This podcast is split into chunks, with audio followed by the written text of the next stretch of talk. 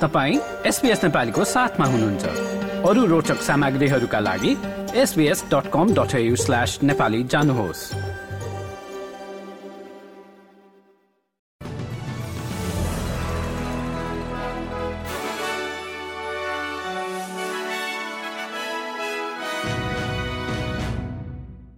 नमस्कार। आज बिहिबार दुई नोभेम्बर सन् दुई हजार तेइस।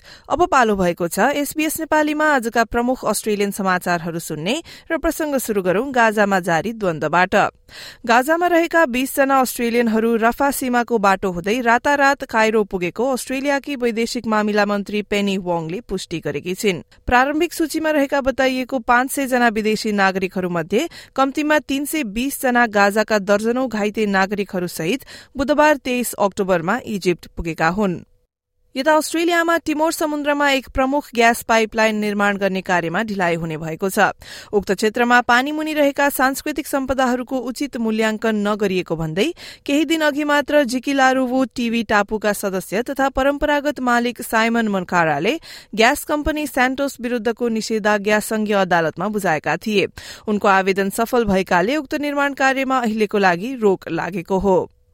च्याउ खाँदा भएको तीनजनाको मृत्युको अनुसन्धानका क्रममा एक चालिस वर्षीय महिला पक्राउमा परेको विक्टोरिया प्रहरीले पुष्टि गरेको छ।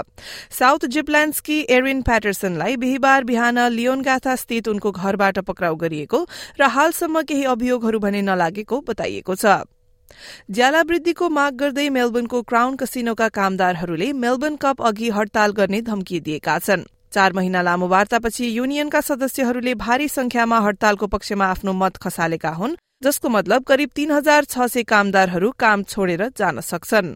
अब खेलकुदमा रग्बीलाई जोड्दै वलोबिजका पूर्व प्रशिक्षक एडी जोन्सले आफूसँग राजीनामा दिनुबाहेक अरू केही विकल्प नभएको भन्दै रग्बी अस्ट्रेलियालाई खेलमा कुनै वास्तविक परिवर्तन ल्याउने चाहना नभएको बताए। रग्बी विश्वकपमा वेल्स र फिजीसँग हारी अस्ट्रेलिया क्वार्टर फाइनलमा पुग्न असफल भएपछि उनको यो भनाई आएको हो।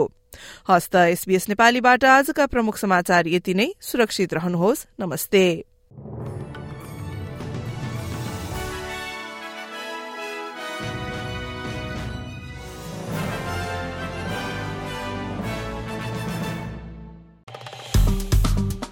लाइक शेयर र कमेन्ट गर्नुहोस्। एसपिएस नेपालीलाई फेसबुकमा साथ दिनुहोस्।